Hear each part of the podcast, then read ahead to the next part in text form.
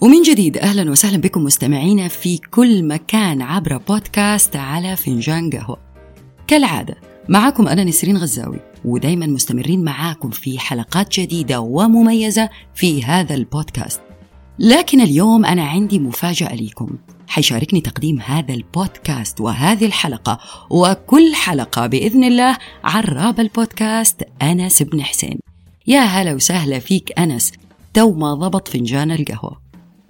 أهلا وسهلا نسرين يا مرحبا وشكرا جزيلا على التقديم الجميل هذا وإن شاء الله مستمعينا يستمتعوا بهذا اللقاء كباقي اللقاءات السابقة آه، وأنا بدوري أرحب بالجميع وأرحب بالدكتورة آه، ضيفتنا اليوم دكتورة مودة أشقر طبيبة في برنامج الزمالة آه، والبورد السعودي جراحة مخ وأعصاب. أهلا دكتورة.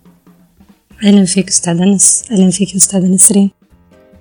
يا هلا وسهلا فيكي دكتورة مودة نورتنا الله يسلمك النور نوركم.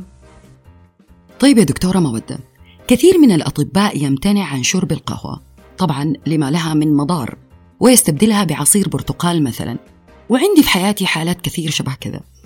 فهل دكتورة مودة من أنصار القهوة أم من أنصار عصير البرتقال؟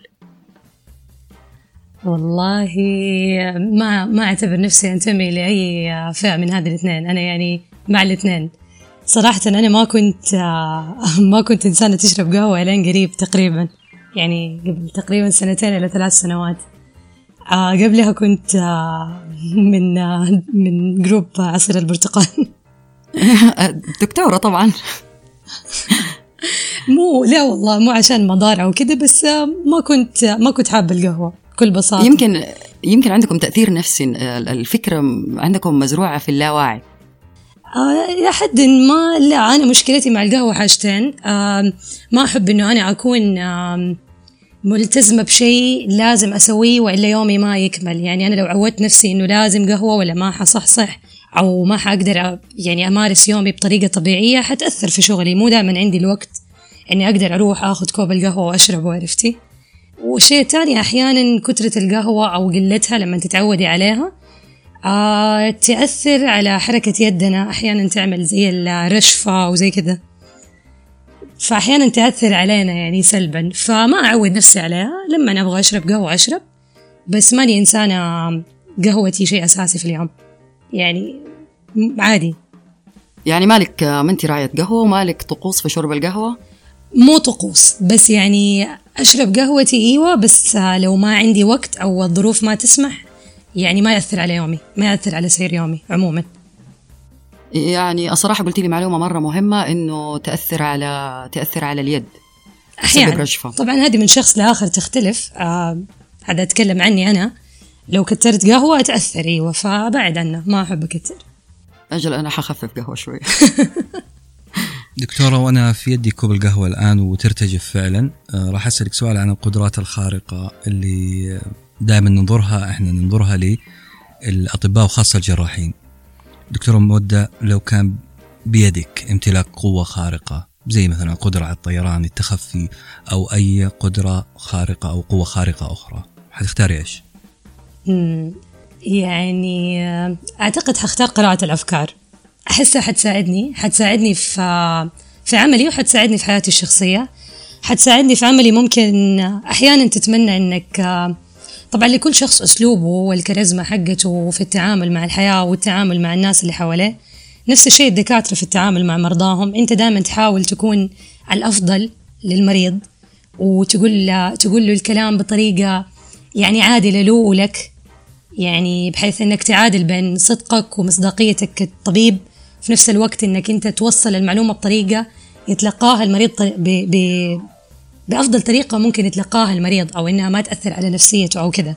فيمكن لو أنا أقدر أقرأ أفكار الناس اللي قدامي حوصله بطريقة أحلى أو أقرب للمريض ممكن. وعلى الصعيد الشخصي. اي طبعا. وعلى الصعيد الشخصي يساعد كثير. أنا أعتبر شوية إنسانة تحليلية. آه فاحيانا يسهل عليك لما تقدر تقرأ أفكار الشخص اللي قدامك إنك ما تحتاج تحلل هذا كله. أنت خلاص عارف الهدف من كل تصرف أو كل كلمة أو كل شيء. إيه، كما يقال الدكتور ال ال ال إخبار المريض بحالته الحقيقية أو إخفاء معلومات عنه أحيانا بيساهم في علاجه. آه، هذه موضوع في أخلاقيات الطب أعتقد. آه، هل صحيح. نخبر أم نخفي؟ آه، اللي يحدد هذا الشيء مدى آه، فعاليته في في علاج المريض. فأعتقد ال- القدرة الخارقة اللي طلبتيها برضو شيء احترافي. أهنيك. تسلم شكرا.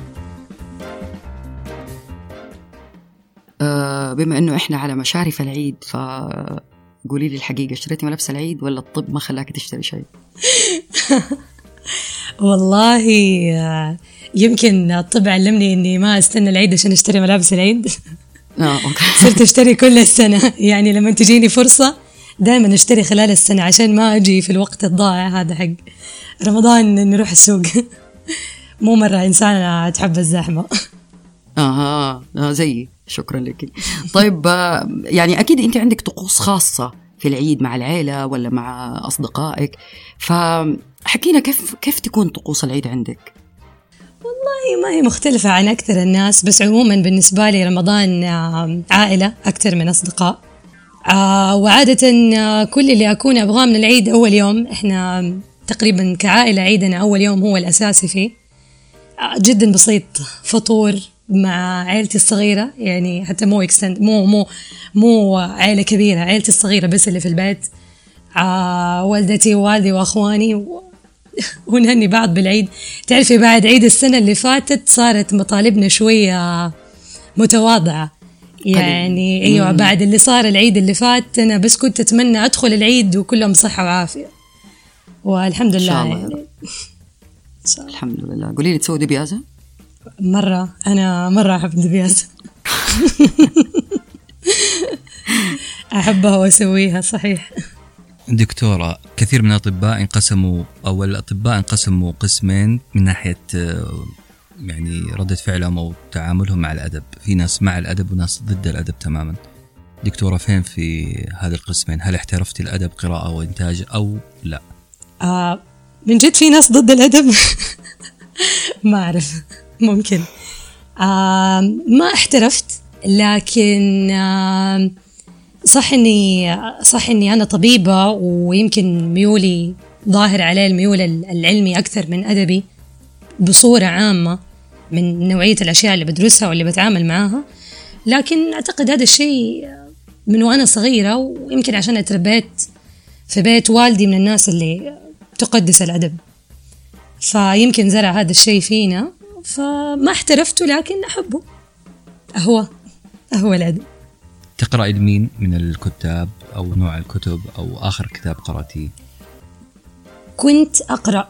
كتب أدبية مرة كثير وكنت أقرأ كتب في التفكير آه، في ال- sorry تقدير الذات وهذه الأشياء بس حسيت إلى حد ما ما بتبعدني عن شغلي فصرت ألجأ لأشياء مرة تانية يعني بعيدة عن هذه المجالات بس آخر كتاب آه، أخت... آه، قرأته اسمه Option B لسه ما خلصت الكتاب. بس آه، يعني مثير للاهتمام. إن شاء الله إن شاء الله تيجي فرصة أتكلم عن الكتاب. إن شاء الله. تجيتي في منطقتنا خلاص. آه قولي لي وصارحيني. خلينا نرجع للماضي. هل مارستي لعبة الطبيب والمريض مع أقاربك أكيد أو الصديقاتك؟ الصراحة يعني يمكن يفاجئك الجواب لا أبدا. ما كنت حقيقي؟ أبدا ما كنت أمارس لعبة الطبيب أبدا وأنا صغيرة. ما كانت هذه لعبتي المفضلة. إحنا كلنا لعبنا لعبة الطبيب وما صرنا أطباء. يمكن هنا السر. يمكن لا. ما كان هذا يعني وأنا صغيرة ما كانت هذه الألعاب اللي ألعبها. كنت مع أكثر مع البازلز وهذه الأشياء عرفتي. آه ما كنت ألعب. ما توقعتي في طفولتك أبدا إنك ممكن تصيري طبيبة جراحة؟ في طفولتي ما أعتقد لكن يمكن من سن المراهقة يمكن من يوم ما صار عمري 14 15 سنة خلاص كانت واضحة عندي الرؤية إنه أنا هذا الشيء اللي أبغاه. وكملت عليه. بس حقيقة لسه ما كنت اخترت إذا أنا حكون جراحة ولا جراحة مخ وأعصاب لكن كنت أبغى أكون طبيبة. أنا عالجت نصف أطفال العائلة بصراحة وطلعت في الأدب. ما لي علاقة. طيب دكتورة دراستك للطب كنت طالبة منتظمة مجتهدة ولا زي حالتنا؟ آه في كلية الطب. قبل وفي كلية الطب هي ف- ككل. ترى هي يمكن تحديات مرة مختلفة. عموما عشان توصل لهذا المكان توصل إنك تدخل كلية الطب آه آه رحلة فيها ضغط كثير. آه ما أعرف يعني. طبعا كل يوم بتزيد الصعوبات اللي بيواجهوها الطلاب عموما. كل سنة أصعب من السنة اللي قبلها يعني. تحديات بتزيد لكن أصلا وصولك إنك تدخل كلية الطب شوية يبغاله إنه الواحد يكون مجتهد زي ما تقول. إنه يعني يكون عندك من جد رؤية واضحة إنه أنا أبغى هذا الشيء لأنه حتضطر تضحي بأشياء كثير عشان تكمل وتوصل لهدفك. ولما توصل للهدف اللي هو كلية الطب ما هي الكلية اللي تقدر تاخذها ب زي ما يقولوا سهالات تعرف؟ لازم تفضل تشتغل على نفسك على طول آه عشان تكون في مستوى الناس اللي حوالينك. وتكون في المستوى اللي انت راضي فيه عن نفسك هذا أهم شيء. فلازم تكون مجتهد. ما في اختيار. جراح يعني أعصاب حديدية يعني دقة شديدة. وطبعا هذه الدقة خلال العملية ممكن تتسبب للطبيب نفسه بضغط نفسي. لأنه غلطة واحدة ممكن تتسبب بعطل في عضو من أعضاء الجسم مثلا. كيف وصلت دكتورة مودة لهذه الدرجة من الأعصاب الحديدية؟ ولا هي أصلا أصلا الدقة الشديدة هذه موجودة فيكي أول شيء ما تقدري تقولي إذا الدقة هذه شيء موجود فيكي أو لا بس آه، يمكن من الأشياء اللي حسيتها فرقت معايا في تخصصي إني أنا إنسانة مرة تنتبه للتفاصيل. فلما أخترت التخصص هذا كل يعني كل حاجة صغيرة من جد تفرق. فحسيت اهتمامي بالتفاصيل ساعدني. لكن أعصاب حديدية كلمة مرة كبيرة. وكلمة مرة لها تأثير قوي. هذا هذا أمنيتنا كلنا إنه إحنا نوصل لهذه المرحلة الأعصاب الحديدية. وبنشتغل عليها. ما أعتقد إنه ما إنه حتقابلي أحد حيقول لك أنا وصلت هذه المرحلة. دائما إحنا في سباق بين إنك توازن بين إنسانيتك كطبيب وأعصابك الحديدية كجراح. لازم الاثنين تفضل تفضل في توازن. يعني لو واحدة طغت على الثانية ما حي ما حي ما حيمشي الموضوع كويس ما ح ما حتنجز ما حتكون طبيب ناجح عموما. ف لكن يمكن أكثر شيء مهم إنك أنت كطبيب تعزل كل شيء بيصير في حياتك عن كل شيء بيصير داخل غرفة العمليات. يمكن هذه أكثر نقطة بيكون فيها أعصابنا حديدية زي ما تقولي. يعني اللي يحصل برا يقعد برا مجرد ندخل الغرفة هذه ما لنا أي علاقة بأي حاجة بتحصل برا حتى تليفوناتنا ما نعرف فينها ما نعرف إيش بيصير حواليننا. مرة مركزين مرة فوكست ف يعني يمكن هذه أكثر أكثر جزء في جزء في يومنا يجسد النقطة اللي أنت قلتيها داخل غرفة العمليات. بس أعتقد أنتم كأطباء آه، مخ وأعصاب لازم أو جراحين لازم يكون عندكم أعصاب حديدية. أعتقد إنه هذا شيء ضروري وموجود. يعني حتى لو أنتم مش حاسين بس هو موجود. ولازم تكونوا دقيقين جدا. صح ولا أنا بتهيألي؟ لا هذا أكيد لازم أكيد. بس آه تعقيبا على كلمة أعصاب حديدية أنا قصدي إنه إحنا زي أي إنسان ثاني نتعرض لضغط نتعرض لتوتر نتعرض لهذه الأشياء. بس الفرق بيننا وبين الناس إنه إحنا نعرف كيف نوظف هذه الأشياء بطريقة ما تأثر على عملنا. يعني اكتسبتوها بالضبط بالضبط. أوكي وكان من جوابك هذا دكتورة؟ جاوبتينا على سؤال ثاني اللي هو هل شكل الدماغ أو المخ عند الإنسان يختلف من شخص لآخر بحسب العمل؟ كأنك تقولي الأشياء هذه اكتساب آه، الأدمغة سوا لكن هي عملية تدريب آه، وخبرات يكتسبها الإنسان. كان عندنا سؤال يقول هل شكل الدماغ يختلف من إنسان لآخر بحسب العمل؟ طيب إلى حد ما السؤال له شقين. تشريحيا يعني شكل الدماغ ما يفرق من شخص لآخر. يعني أنت إنسان رسام طبيب مدرس أيا كان شكل الدماغ تشريحيا ما بيختلف. لكن في آه في تقسيمات وظيفية للدماغ. يمكن هذه تختلف من شخص لآخر بحسب طبيعة آه التفكير حقه. إبداعي أكثر تعرف زي لما يكون الشخص رسام لما يكون الشخص آه طبيب لما يكون الشخص آه يعني فوظيفيا ممكن تختلف. إيوه لكن تشريحيا لا نفس الشكل. أعظم هدية قدمتها لك مهنة الطب. الصبر. الله.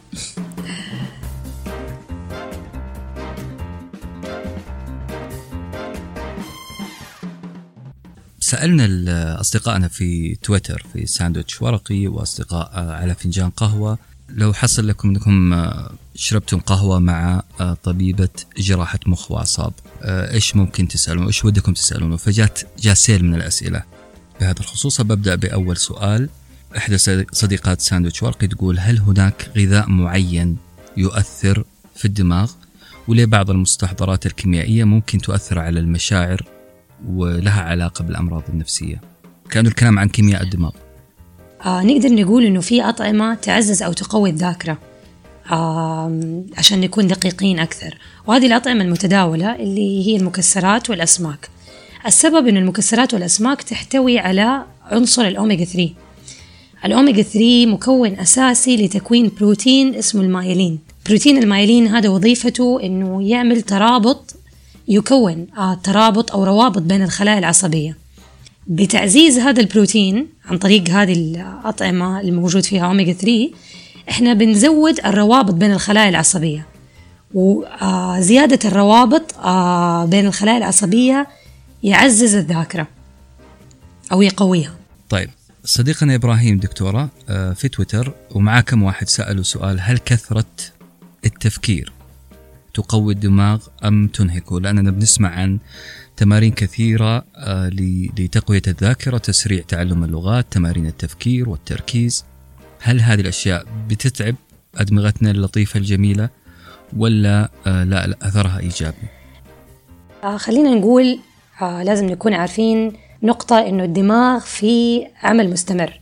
دائما شغال الدماغ ما ما بيوقف عن العمل. على طول شغال سواء أنت بتفكر أو ما بتفكر الدماغ في عمل مستمر. لكن نقاشنا على كيف نستخدم دماغنا أو آه كيف نوظفه بطريقة أفضل. ونعمل له تنمية. ننمي خلايا دماغنا عن طريق تنمية الجزء الوظيفي لخلايا الدماغ. لأنه زي ما قلنا أول التركيب التشريحي ثابت. إحنا بنشتغل على الوظيفة. هذا الكلام بيصير عن طريق اللي زي ما قلنا اللي الألعاب الحسابية ألعاب الذكاء. هذه الأشياء تقوي الناحية الوظيفية في الدماغ.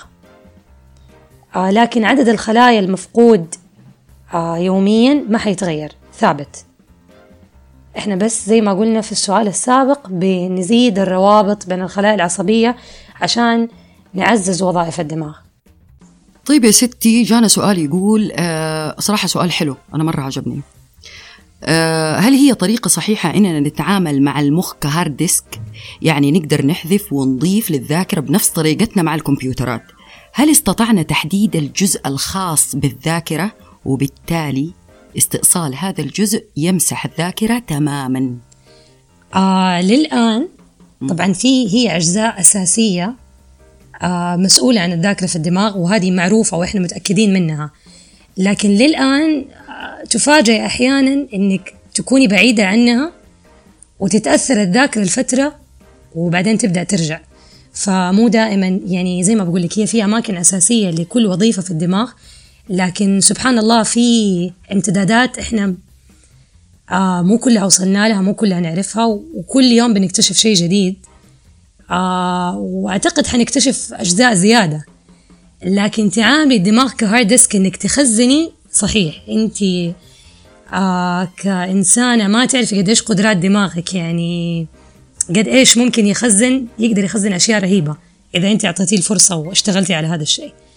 تحذفي أنا إلى حد ما أحس موضوع إيش تحذفي من دماغك؟ هذا عامل نفسي أكثر مما هو عامل يعني عصبي أو تشريحي أو وظيفي لأنه هذا باختيارنا زي لما تختاري تنسي أو ما تنسي تمشي الموضوع أو ما تمشي هذا اختيار ما هو. لأنه لما بيخرج الشخص وبتتأثر ذاكرته مثلا بعد العملية ما بيختار إيش بينسى صح؟ يعني بيروح جزء هو ما يعرف حتى هو نفسه ما يعرف إيش الجزء اللي راح. طب هنا أنا جاني سؤال بما إني أنا برضو من الجمهور.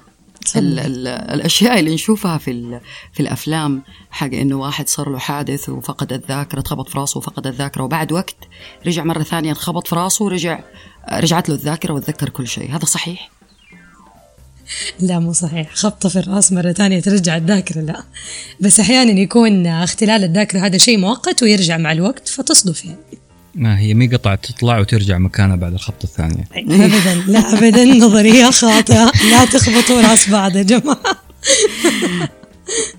طيب سؤال طبي دكتورة. إحنا بنفقد كثير من الخلايا العصبية يوميا.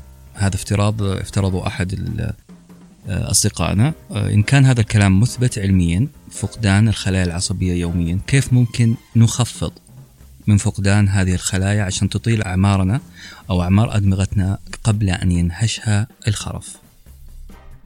بالنسبة لهذا السؤال آه تقريبا إجابته مشابهة للأسئلة اللي ذكرناها آه آه قبله إنه كيف إيش الطرق اللي تعزز الذاكرة كيف نشتغل عليها وكيف نقوي الناحية الوظيفية للدماغ. لكن الدماغ جزء من جسم الإنسان. يعني الصحة العامة كمان مهمة. فإحنا نقدر نضيف على هذه الأشياء بأنه نهتم بصحتنا العامة. غذائنا الرياضة آه إنه ناخذ سوائل بطريقة كافية آه نشرب موية بطريقة كافية عشان نوصل لأفضل آه صورة ممكنة من الناحية الجسدية والعقلية. جانا سؤال كمان يقول أكبر خطأ أو معلومة مغلوطة عن الزم... عن الزهايمر وحابة تصلحيها للناس. ما أدري بس إلى حد ما أحيانا بنشوف ناس بيتعاملوا مع المريض كأنه هذا الشيء بيده إنه كأنه هو بينسى بيده يعني يعني هو بيتحكم في ذا النسيان أو شيء زي كده أو إنه لما حفضل أذكره كثير حيفتكر. هم مو بيدهم هم أكتر ناس بيكونوا متضايقين إنه هم بينسوا. آه يمكن هذا من الأمراض اللي الوعي فيها ما شاء الله تبارك الله مرة ممتاز يعني الحملات التوعوية باستمرار شغالة فالناس واعية تمام بس يمكن الشيء الوحيد إنه نكتشفه بدري.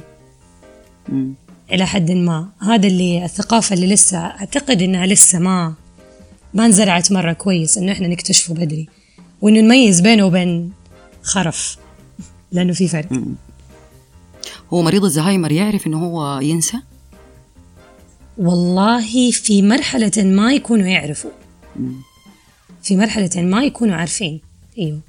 بعدين يوصلوا في الأخير لمرحلة يعني لما يتأخر المرض أحيانا يكونوا لا مو مستوعبين إنه هذا الشيء صار هو بس نسيان ولا ممكن يدخل فيه تهيؤات؟ يعني ممكن يتهيأ له أشياء مثلا صارت أو أو حتصير. آم، ما هي ما هي per se مربوطة ببعض. يعني في ناس تظهر عندهم هذه الأشياء بس مو دائما كل شخص عنده الزهايمر يكون عنده تهيؤات وكذا. لأنه لا تنسي في شيء بيكون عند كبار السن اسمه delirium delirium هذا زي آه، إحنا نقول له بالعربي خرف. فهذا يجي معاه أحيانا تهيؤات وأشياء زي كذا. فممكن تكون الاثنين مع بعض. دكتورة نحتاج إنتاج متواصل منك إن شاء الله في حكاية المعلومات المغلوطة دي لأنه أعتقد هذا جاب كبير موجود آه، عندنا إحنا كعامة آه، الناس. ف حنشوف كيف إن شاء الله ممكن الإنتاج ده يزيد. بعد إذنك دكتورة ريهام وحلا سألوا سؤال. ما هي أكبر مخاوفك في الجراحة وكيف تغلبت عليها؟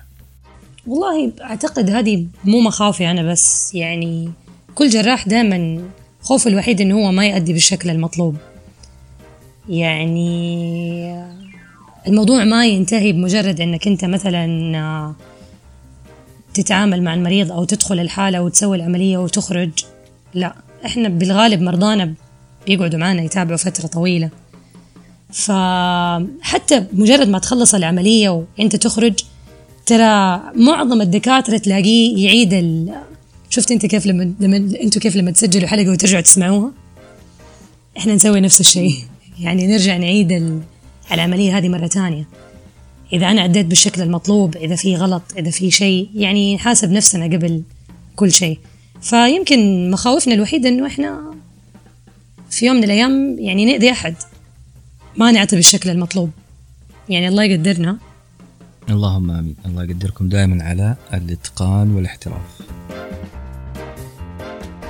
أه، تعرفنا على أسئلة أصدقائنا في تويتر وكان ودنا نغطي كل الأسئلة لكن أه، سيل زي ما قلنا لكم من الأسئلة نخش الآن على أه، فقرة جديدة اللي هي دكتورة عرفنا من مصادر موثوقة واحدة من مهاراتك الشخصية.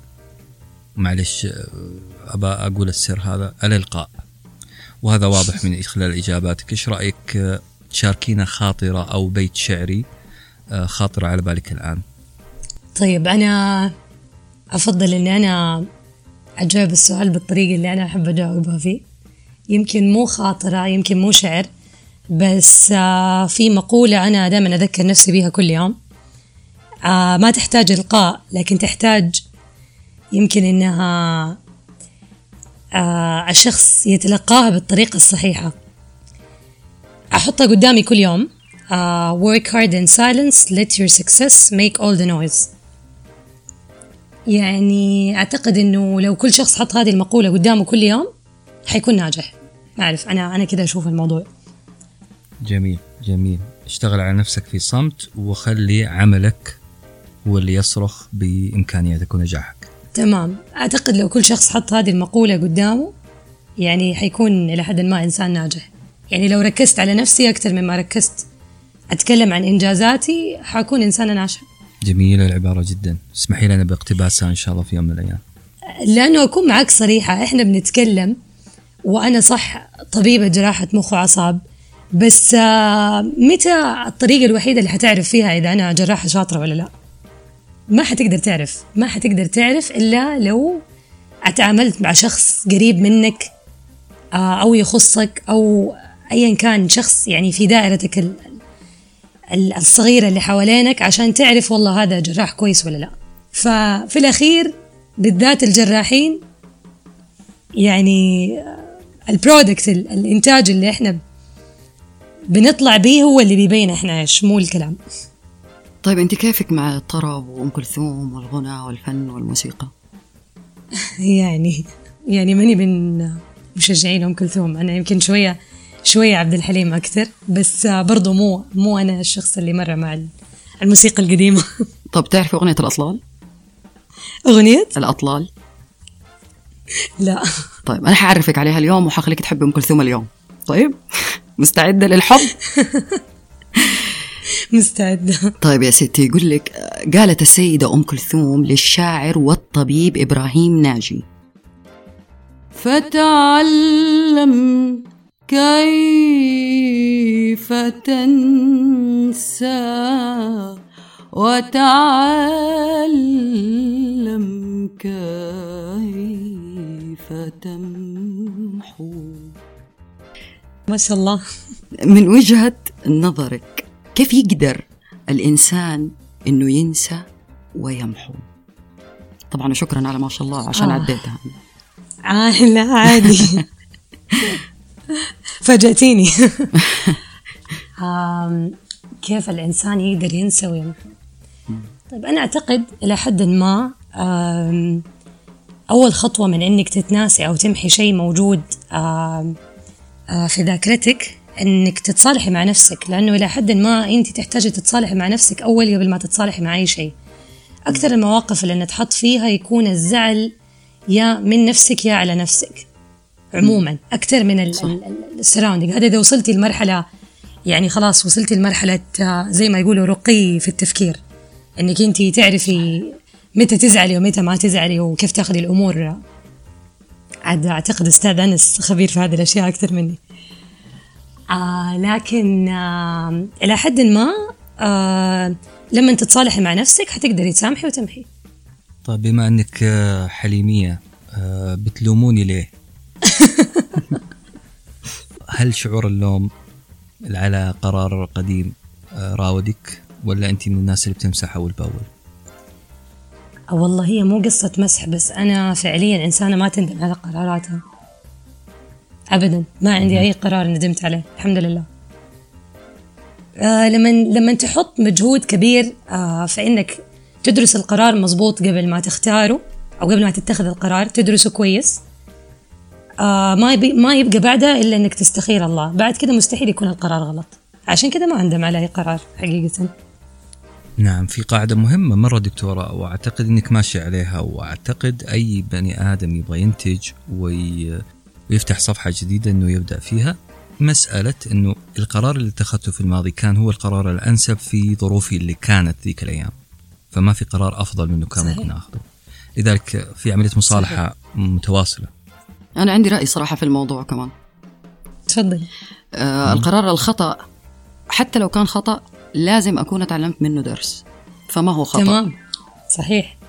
وعشان كده لو انت مختارته بقناعة ما راح آه، تزعلي منه في المستقبل صحيح. لأنه خلاص انت عارفة الدرس اللي اخذتيه طيب لو لم تكوني طبيبة ماذا ستكونين إيش كنت حتكوني لو ما كنت طبيبة؟ محامي. الله الله. أعرف واحد من ال- الشباب موسيقي ويقول أنا آه، أشبه بالناي. آه، طرحه كله حزين ضبابي سوداوي فاختار أداة موسيقية تناسب حرفته أو هوايته دكتورة لو كنت أحد الأدوات الطبية إيش كنت حتكوني ولماذا؟ طبعا موضوع الأدوات الطبية ما هو بسهولة الآلات الموسيقية أبدا فإنك تختار لأنه أعتقد آه، بس أعتقد الآلات الموسيقية كده تشبه لروح الإنسان إلى حد ما زي ما دائما كده عازف ال- ال- الآلة تلاقي فيه شيء في شخصيته يطابقها إلى حد ما. ما أعرف أنا طبعا ماني إنسانة خبيرة في ذا الموضوع بس دائما أحس هذا الشيء. فيمكن ما ينطبق الموضوع على على ال- على الأدوات الجراحية كثير لكن لو حختار I have to choose for sure حختار ال- المشرط. جميل. إيش فلسفتك للمشرط؟ فلسفتي إنه هو شيء زي ما تقولي حاد. ما في أنت لما تستخدم المشرط عشان تقطعي شيء ما في رجعه فأعتقد يمكن إلى حد ما لازم تكون شخصية الجراح هذه الشخصية. عندك لأنك أنت لما بتتخذي قرار ما بترجعي فيه. فيمكن يشبه لشخصيتي يعني أنا لما نفس يرجع لنفس السؤال اللي سألتيني قبل شوية إنه أنا القرار اللي أخذه ما أندم عليه يمكن إلى حد ما. دكتورة آه، حنسألك أسئلة سريعة الآن. زي البينج بونج تنس طاولة سريع وإجابته سريعة. تمام. طيب. لما اتوتر أنا أحيانا أو أعاني من من فرط في التفكير آه، أستخدم عبارة لعله خير. فهذه اللزمة اللي دائما أقولها في وقت ال... خلينا نقول الأزمات أو التفكير ال- القسري أو القلق. الدكتوره إيش عندها لزمة سواء كانت كلام أو فعل؟ مو فعل كلام. دائما أقول لي إنه يا رب خير. أو إن شاء الله خير. دائما اقولها ما أستخدمها بالاستخدام حق الاستخدام اليومي حق إن شاء الله خير. عارفين هذه؟ لا إن شاء الله خير يعني إن شاء الله خير. إني موقنة من جوا إنه إن شاء الله خير. فيمكن هذه الكلمة الصحيحة.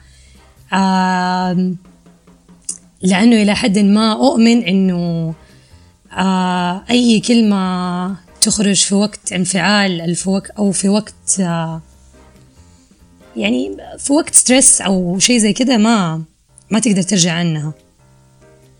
فأحس نفسي دائما ألجأ إني أقول إن شاء الله خير أحسن من إني أنا أقول حاجة وبعدين أندم عليها عشان أنا ما أحب أندم مرة ثانية. تمام هي مترابطة الكلام الأول والآخر. آه، تعرضتي لتحرش أثناء ممارسة المهنة؟ أي نوع من أنواع التحرش؟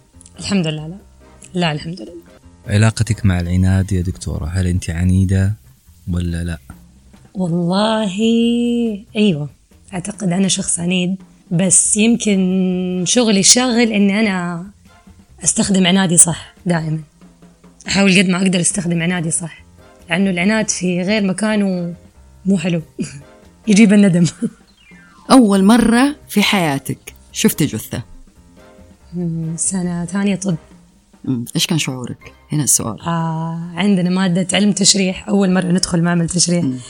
والله كان شعوري كان عندي كمية فضول رهيبة. حقيقة مرة كان عندي فضول. آه كان نفسي كده كان نفسي أعرف كل شيء بسرعة. يمكن هذا ما أعرف إيش يسموه ما أدري هذا شغف ممكن يكون ما أعرف. لكن فعليا هذا كان إحساسي إنه نفسي أعرف كل شيء بسرعة. ما شاء الله. أول مرة شفت ما شاء الله تبارك الله. ما خفتي؟ لا ما صراحة.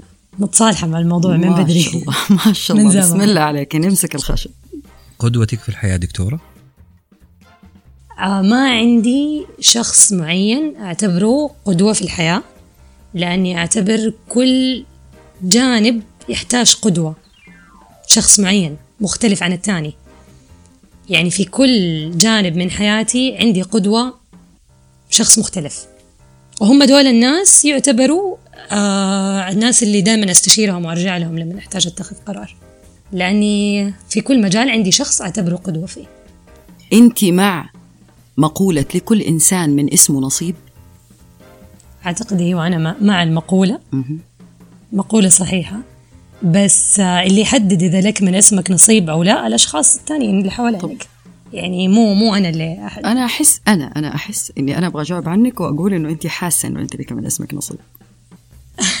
أنا حاسة إنه لي نصيب عشان مو الاسم عشان دعوة. مهم. أنا والدتي دائما تدعي لي دعوة دائما تدعي لي دعوة إنه ربي يرزقني القبول من الناس اللي حواليني دائما تدعي لي هذه الدعوة. فيمكن السبب الدعوة مو الاسم. طيب أكبر صعوبة تواجهها الطبيبة في المجتمع؟ طبيبة. ما حأدخل في التفاصيل كثير لكن آه، عموما آه، في فرق بين ذكر وأنثى في أي مجال عموما. يمكن أحد الصعوبات اللي تواجهها الطبيبة كأنثى في هذا المجال إنها ما يكون في أي تقصير له علاقة بكونها أنثى. لأنه إحنا في المجال نعامل نفس المعاملة تقريبا يعني إلى حد ما إحنا نعامل نفس المعاملة طبيب أو طبيبة إحنا نفس الشيء.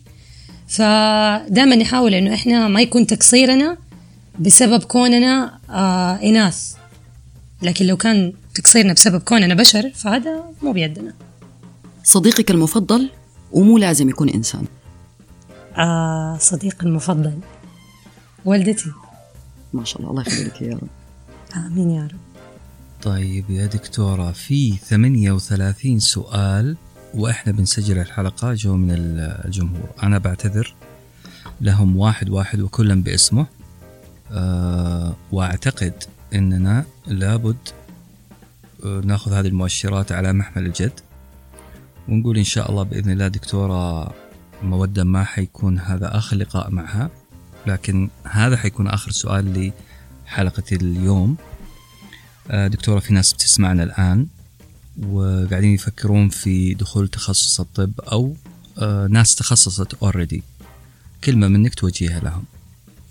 يمكن الكلمة الوحيدة اللي أوجهها لهم إنه اختاروا الشيء اللي أنتوا حابينه. آه لأنه الشغف هو اللي يخليك آه دائما تكمل في الأيام الصعبة. آه كل يوم في تحديات مختلفة وكل يوم بتكون الحياة أصعب كطبيب. ابتداء بسنوات الكلية وبعدين سنوات التخصص والتخصص الدقيق. للآخر دائما في تحديات جديدة. فلو كان في شغف قوي هو اللي حيخليك تكمل. شكرا دكتورة على النظرة ال big picture اللي قاعد تعطيني هي آه، كلنا فخر فيكم في طاقم ال- الطبي والصحي كامل. آه، أديتم مهمة عظيمة السنتين الماضية. وشكرا لك على وجه الخصوص لتلبية هذه الدعوة. شكرا لنسرين. آه شكرا لك دكتورة مودة. وصراحة أنا ما عندي شيء أزيده على كلام أنس لأنه ما شاء الله كفى ووفى. شكرا لكم. أنا فعليا استمتعت باللقاء وكانت آه، دردشة حلوة. أكثر من لقاء يعطيكم العافية. الله يعافيكي. دكتورة قبل ما نروح آه. لنا لقاء ثاني. قولي تم. إن شاء الله. إن شاء الله بإذن الله. أكيد. إن شاء الله بإذن الله. وأخيرا وليس آخرا شكرا لك دكتورة مودة لوجودك معنا اليوم. وأيضا شكر كبير لأصدقاء على فنجان قهوة. سنلتقي قريبا بإذن الله في حلقة جديدة. ومع ضيف جديد وفمان الله.